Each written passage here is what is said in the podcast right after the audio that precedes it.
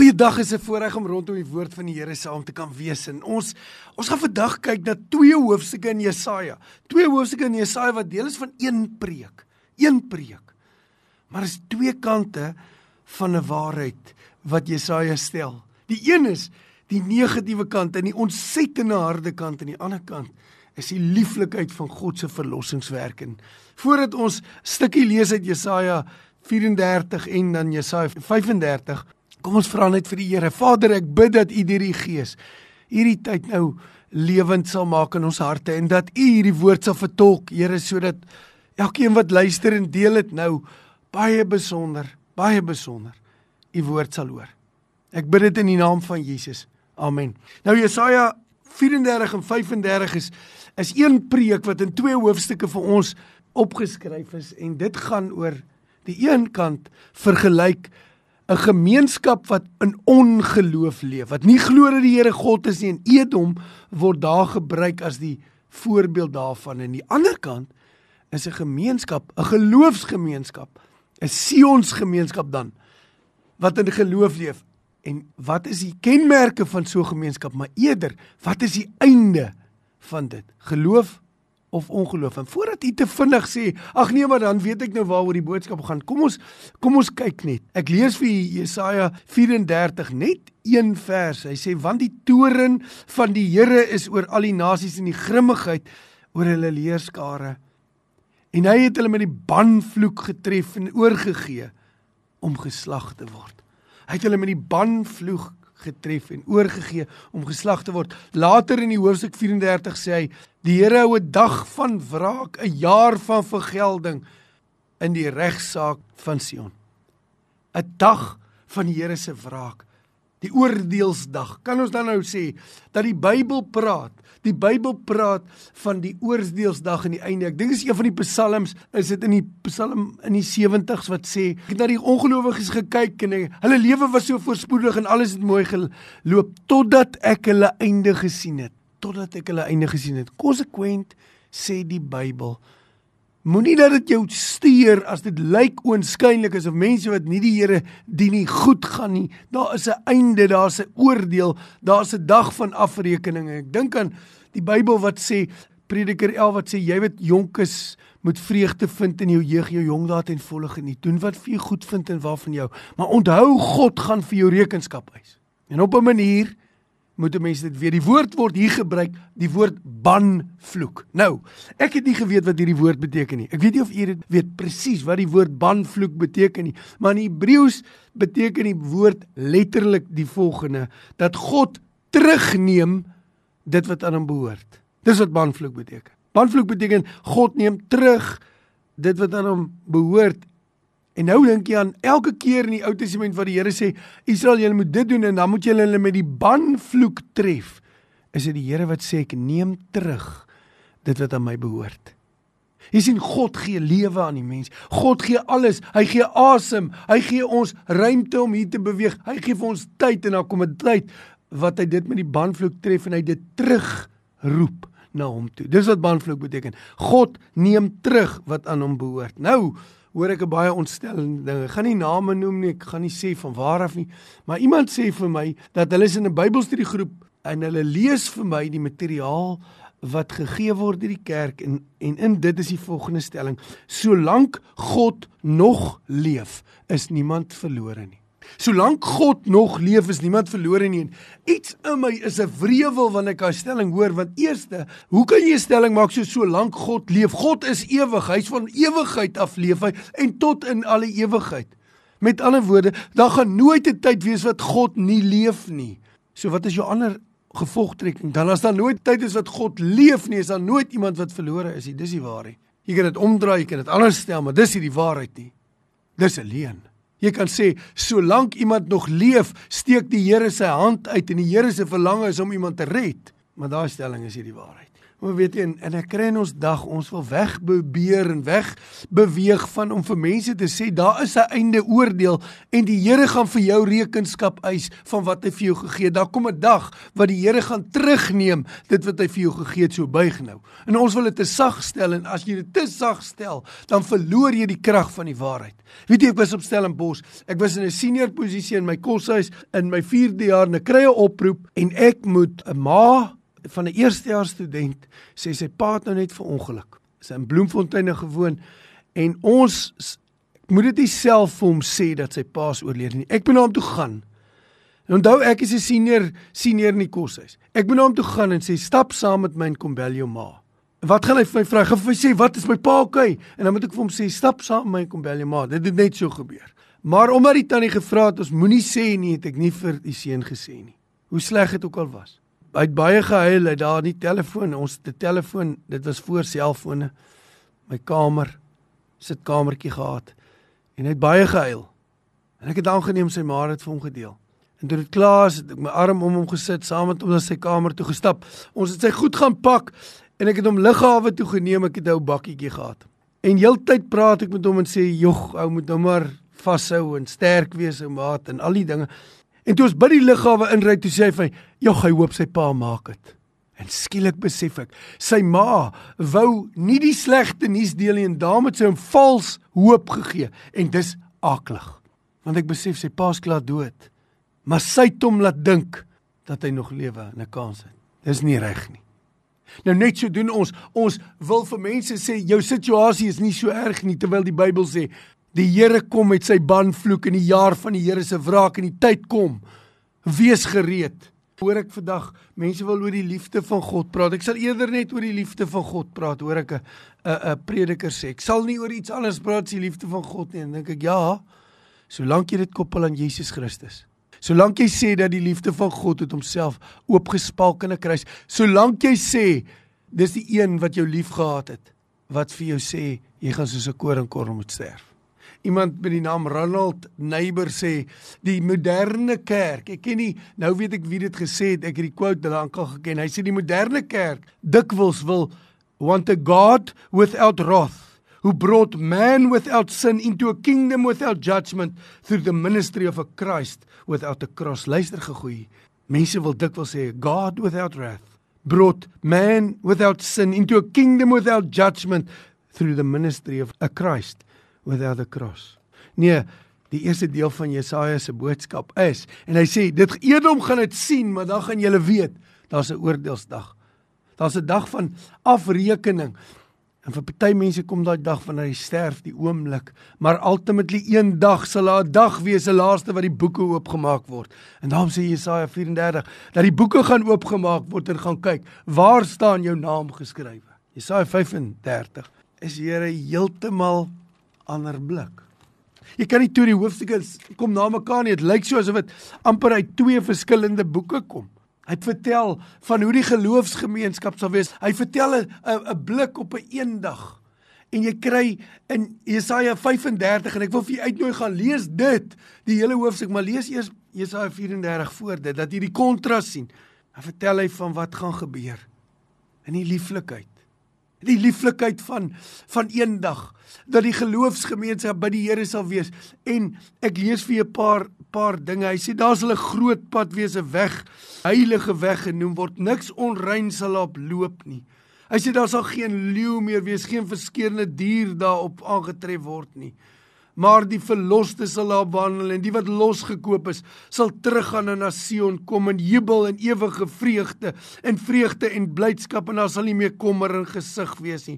En dan sê hy dan sal die dis vroeër in die hoofstuk gaan sê die oë van die blindes sal geopen word en die ore van die dowes en die lamme sal opspring en die wat stom is sal praat en in die woestyn breek waters uit en strowe in die wildernis.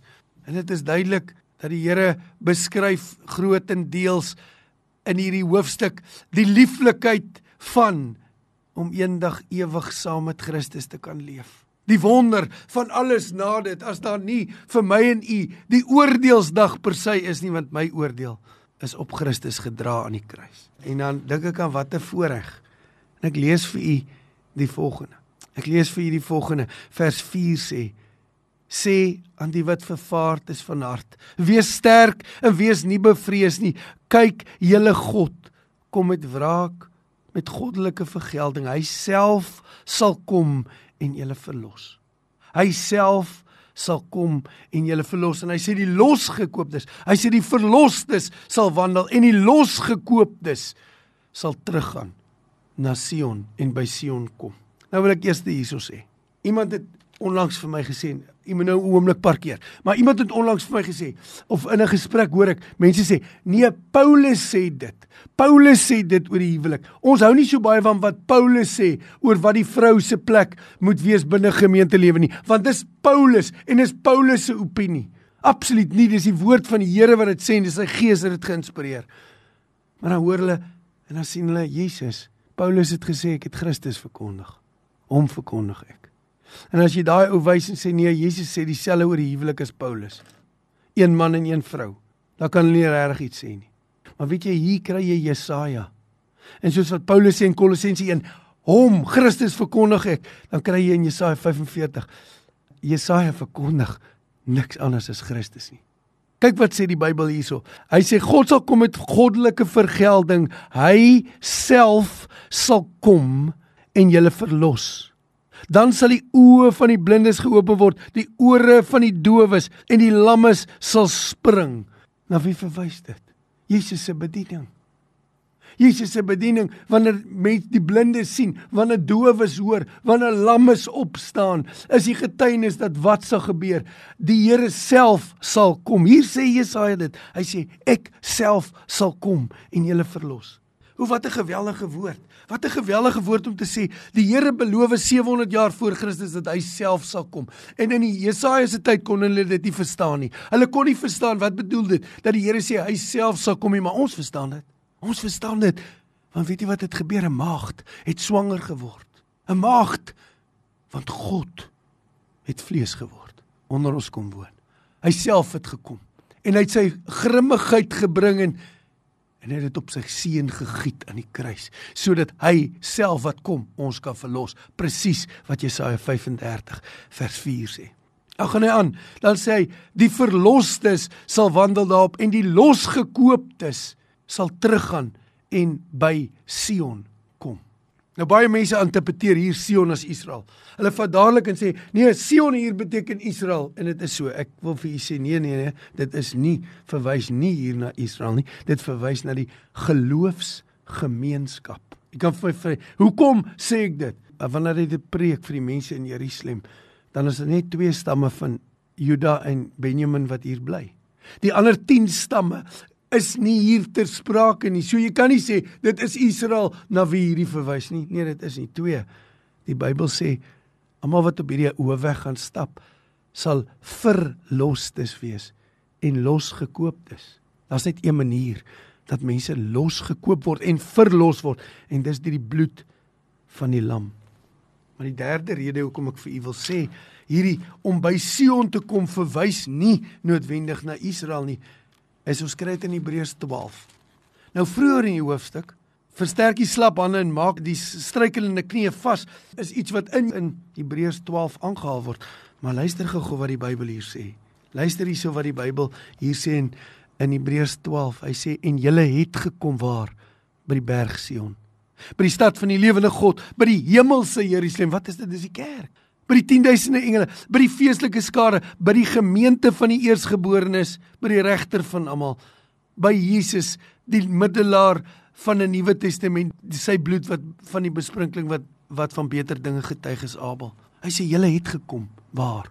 By die berg. Maar wat beteken die berg? Wat beteken dit Hebreërs 12 wat sê hulle het gekom by die berg? Hy sê julle is die feestelike samelewing, wie's dit? Die gemeente van die eersgeborenes. Van wie word daar hier gepraat? Daar word gepraat van hulle wat verlos is deur die bloed van die lam. Hulle wat losgekoop is deur die bloed van die lam. Hy gebruik twee woorde. Hy gebruik verlostes en losgekoop. Nee, hierdie verwys na die geloofsgemeenskap. Hierdie verwys na kinders van die Here. Hierdie is 'n boodskap van my en u.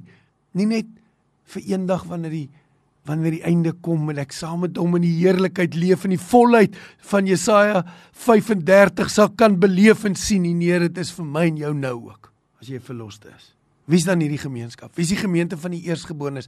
Wie's die mense wat by Sion gekom het? Ons gaan kyk na die twee woorde teenoor die woord banvloek.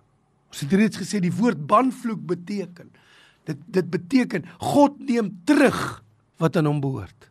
Nou gaan ons kyk na wat beteken verlostes en losgekooptes. Maar eers wil ek vir vir verduidelik wat beteken die Sions gemeenskap? Wat is die geloofsgemeenskap? Wat is die gemeente van die eersgeborenes? 1 in Johannes 12 dan kry ons 'n beeld van die kerk van Jesus. Een van die raakste beelde van die gemeente van die Here. Waar kry jy dit? In Betanië. Jesus sit aan die tafel. Betanië is die huis van oorvloed of die huis van vye beteken dit of party mense sê die huis van dadels. Dis oorvloed, dis dis die plek van oorvloed. Jesus sit aan die punt van die tafel. Dis in die huis van Lazarus.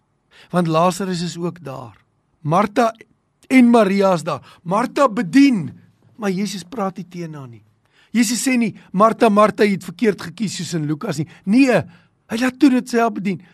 Maria buig voor hom, breek die albaste fles, stort haar olie voor hom uit. Want dis die beeld van die mense wat by Sion gekom het. Dis die gemeente van die Here. Jesus sit aan die hoof. Jesus is die een aan wie die tafel behoort.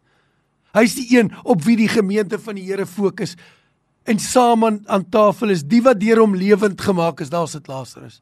Lewend gemaak, 'n gemeente van eersgeborenes, mense wat lewend gemaak is. Dis die plek waar mense hom kan dien.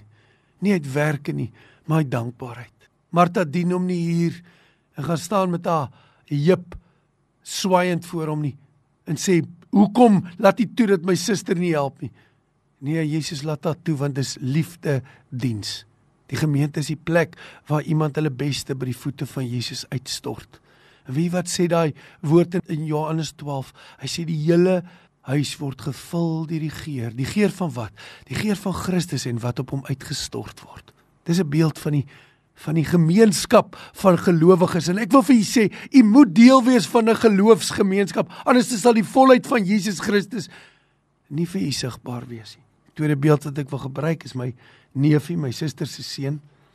Marcus is 'n mikro en hy het nou 'n kleresport gehad. Hy het in die kleresport, ek was nou die dag verstom in die Tygerburger oop te maak en hier's Marcus se foto. En wat gebeur het sê hulle was nog meer lieflik is hulle uh, saam gehardloop nou maar as cricketspan of rugby span of wat ook al die 1200 meter en toe daarna met hulle die 100 meter gehardloop by Marcus sien noodwendig die vinnigste ou nie Maar omdat hy dit saam met 'n paar manne doen en dan was hy ouetjie saam met hom wat vreeslik volgens het maar gaan jy weghardloop en dit dit maak nie saak jy het so half speel daaroor speels gedink en soos wat hy hardloop val die vinnige ouetjie trap in 'n gat lyk dit vir my en hy val en was my so kosbaar die foto op die Tygerburger was waar my neefie Markus gestop het terug teruggegaan het sy maat opgetel het en saam met hom ingehak die 2 3 van hulle oor die wenstreep gehardloop het. En jy sien dis die gemeente van die Here. Gemeente van die Here gaan dit nie oor om eerste te wees nie. Gemeente van die Here gaan dit oor om die oog gefestig op Jesus Christus, leidsman en volëinder van die geloof, die wedloop te vertaal, voltooi. Die gemeente van die Here is waar ons mekaar neem en sê kom ons hak in. Kom ons bly fokus op Christus. Kom ons voltooi die wedloop. Die Bybel gebruik aan 1 Petrus nog 'n voorbeeld van die geloofsgemeenskap, die die mense wat gekom het by die berg Sion En dit is die beeld van 'n muur wat sê ons is almal lewende stene wat saamgebou is waar op die fondament Jesus Christus. 'n Muur is nie net een steen nie. Dis ons almal wat saamgebou is en dit is die beeld. Jy weet Jesaja en dit moet jy gaan lees. Jesaja 35 gee vir die kind van die Here 'n kykie, 'n kykie op dit wat 1 Korintiërs 2 sê wat die oog nie gesien het en wat die oor nie gehoor het en wat in die hart van die mens nie opgekom het nie het God berei vir die wat hom liefhet. Die Here het vir ons 'n lieflike, lieflike vooruitsig. Die kind van die Here sien uit daarna en saam met ander op die weg van die Here op die heilige hoofweg moedig ons mekaar aan en sê onthou, hou Christus voor oë. Daar kom 'n heerlikheid en 'n lieflikheid. Hou vas. Kom ons voltooi die wedloop. Kom ons sit aan die tafel saam met die Here en kom ons laat toe dat die geur van Christus ons gemeenskap help en aanhou en aanmoedig sodat ons sal voluit bly tot die einde toe. Ons wil 'n muur wees op die fondament Christus. Maar kom ons kyk na wat in Jesaja geskryf word, Jesaja 35. Hy sê hy sal kom. en julle verlos. Dis die belofte. Dan kry jy die tweede. Hy sal kom. En nou weet ons hy het gekom. Dis die vervulling. En dan kyk ons na die hele hoofstuk. En dan sê daai hoofstuk, maar hy gaan kom. En dis die einde wanneer hy weer kom. Dis die volëinding want jy sien Bybelse profesie werk altyd in daai drie sirkels. 1 die belofte. 2 die vervulling in Christus in sy volheid. 3 die volëinding van dit wat vervul is in Christus wanneer hy weer terugkom. En dan sien ons uit na 'n tyd waar daar geen dood en siekte en trane sal wees nie. Jy sien Jesus se bediening het blindes genees en het ore dowes en het lammes laat spring, maar almal van daai het weer gesterf. En dit was 'n een groepie mense in 'n groot wêreld. Maar eendag, wanneer ons by hom is, die wat losgekoop en vrygekoop is, weet jy wat is dit? Dan sal ons ewig vry, skoon, sonder enige trane wees. Ek kyk ten slotte, as ek vinnig wil kyk na die twee woorde wat gebruik word wat hy sê die verlosters sal wandel en die wat losgekoop is sal teruggaan. Die twee woorde in Hebreëus het ek gekyk na. Die een fokus op die prys wat betaal is en die ander een fokus op die verlosser wat vrygekoop het. Nee, met ander woorde, die Bybel sê die Bybelse verlossing in die Here Jesus Christus. Jy sien, Jesaja verkondig Jesus Christus het twee dele. Een, jy fokus op die verlosser en wat die verlosser vir jou gedoen het. Nou, daai woord wat sê wat hy vir jou gedoen het. Een, die woord wat, wat sê verlos beteken dit jou vrygekoop van slawerny. Hy, die verlosser het dit gedoen. Maar die ander een, die ander woord wat fokus op hom. Die Engels vertaal dit as die redeemer, letterlik die kingsman, kinsman redeemer. Dit beteken die bloedverwant wat jou red. Waar kry ons daai woord weer? Ons kry dit lank voor dit in die boek Rut. In die boek Rut, onthou jy wat het gebeur in die boek Rut? Is Naomi het saam met haar man Elimelech toe die krisis kom. Elimelech beteken El, beteken God en Melech beteken koning. Sy naam het beteken God is my koning. Maar toe toe die krisis kom en daar kom hongersnood, toe draai hy weg na die Here toe en hy gaan in die velde van Moab in. Weg van Bethlehem, die huis van brood. Weg van die Here af loop hy weg.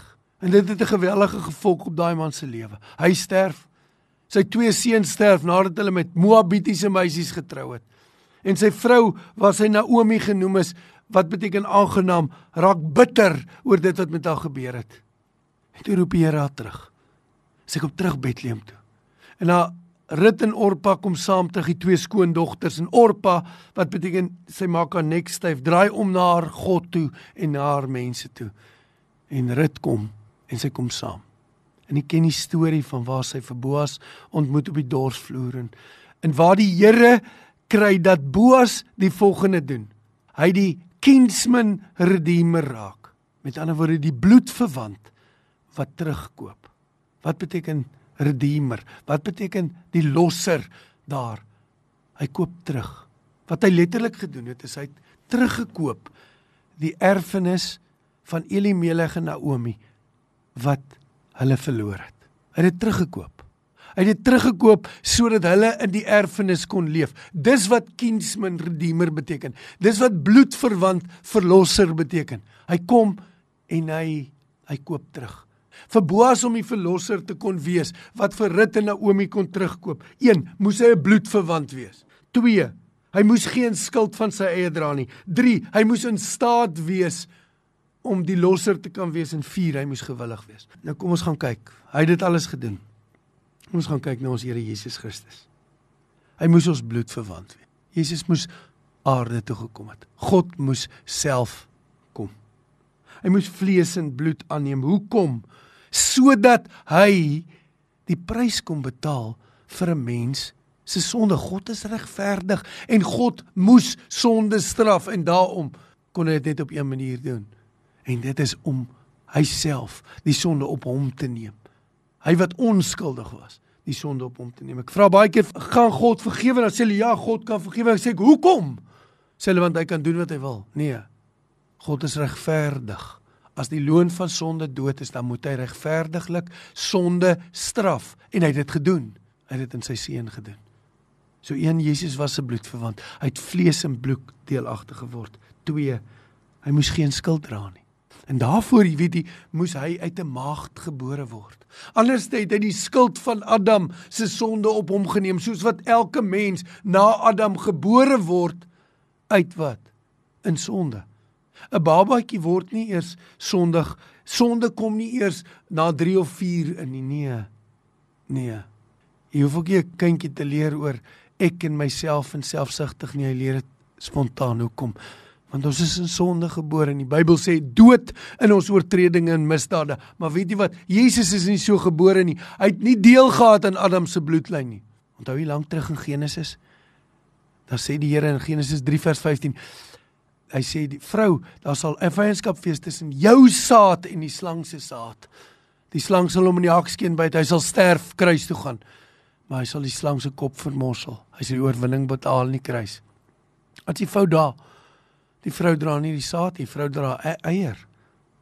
Eiersel. Die saadsel kom van die man af. Maar God was nie verkeerd nie. Hy het gesê die saad wat die vrou sal dra, deur die Heilige Gees bevrug. So Jesus was nie die wêreld sonder skuld. Hy het sonder skuld gelewe, wetlik 100% het hy elke jota en titel vervul. En hy's kruis toe onskuldig. Hy het gesterf onskuldig sodat hy die prys kon betaal. Die derde is hy moes in staat wees om dit te doen. Net soos Boas nie skuld moes hê nie, maar in staat moes wees om in te staan en hierdie terug te koop, so moes Christus werklik God wees, want anders dan kon hy nie onder die oordeel van God bly staan nie. Hy moes werklik mens wees anders dan kon hy nie in ons plek bestaan nie. En die vierde, hy moes gewillig wees. En dit is vir my so kosbaar. Jesus sê niemand neem my lewe van my af weg nie. Ek lê dit neer en ek tel dit weer op. Hy was ten volle gewillig. Jy sien wanneer Jesaja praat van die verlosters en die losgekooptes, dan sê hy in 'n sin net Christus kon hulle kon hulle op die pad van heilige hoofweg gebring het. Net hy kon die losser wees vir daardie volk. Net hy kan die mense na Sion toe bring. En dis waar ek en u is. Het jy al gebuig vir hom? Het jy al hom ontmoet? Want net hy kan dit doen. Net hy kan dit doen. Oor is ek ek raak so opgewonde wanneer ek dit sien want jy weet die Bybel is so waar. Weet jy wat beteken 'n banvloek? Dit beteken God gee neem terug dit wat aan hom behoort. Weet jy wat beteken kinsman bloedverwant redder, verlosser? God koop terug dit wat aan hom behoort. Die invat hy terug en dit is weg want die persoon het nie gebuig voor hom nie maar elkeen wat buig voor die kruis van Jesus kom hy en hy koop terug die verlore erfenis wat ek en u verloor het sodat ek en u in 'n ewige erfenis kan leef. Dit is soos iemand wat 'n kar aan iemand verkoop en hy kan nie die paemente hou nie en dan kom die persoon wat die kar aan iemand verkoop het en hy koop dit ten volle weer terug. Hy hoef nie dit te doen nie want die skuld kom nou moet na hom toe kom hy koop dit terug nou hy teruggekoop het sê jy kan die volle gebruik daarvan hê. Dit beteken dat die Here jou verlos het en dan eendag ewig saam met hom.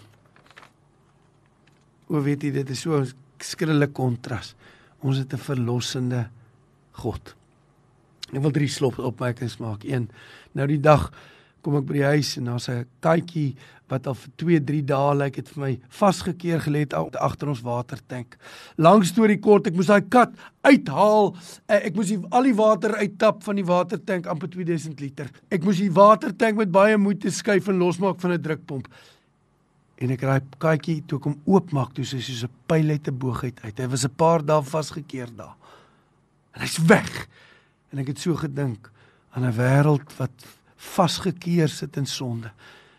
En daar's 'n verlosser wat hulle wil vrymaak, jy weet, saam met dit my laat dink aan klomp jare terug was daar oil well in 'n dogtertjie in Electra in Texas in hierdie olie well ge, geval en en sy het geskree daddy help me daddy help me Dit was 'n 30 by 30 cm gat en hulle kon nie enige reddingstoerusting daarin kry nie na haar stem het al hoe flouer en flouer geraak totdat dit op die ou en dood is en 'n dag 2 3 dae later het hulle haar lewelose liggaampie uitgebring. O weet jy, daar's 'n verlosser. Daar's 'n een wat na wil hê na ons na 'n wêreld toe gaan wat verlore is. Wat verlore is, wat se stem al hoe sagter raak, want hy's besig om die stryd te verloor en te sê ek kom. Ek kom na jou toe nie. Laaste storie is Henry Goodyear, 'n multimiljonêr in die tyd van Spurgeon, het tot bekering gekom deurdat hy net die woorde gehoor het wat iemand gesê het. He lived and he died. En hy het 'n geweldige stryd gehad hierdie man daar totdat sy klein niggie na hom toe gekom het en gesê het ek kan dit vir hom verduidelik. Jesus Christus, he died. He lived and he died and he rose again so that you can have life and life eternal. Vir wie wil die Here hê jy moet daai boodskap gaan dra? Vir wie wil die Here hê jy moet dit neem? Vir wie wil die Here hê jy moet die lewende boodskap van Jesaja 35 wat sê hy het gekom om jou te verlos, om jou te verlos en jou los te koop en jou na hom toe te bring. Mag die Here u seën. Amen.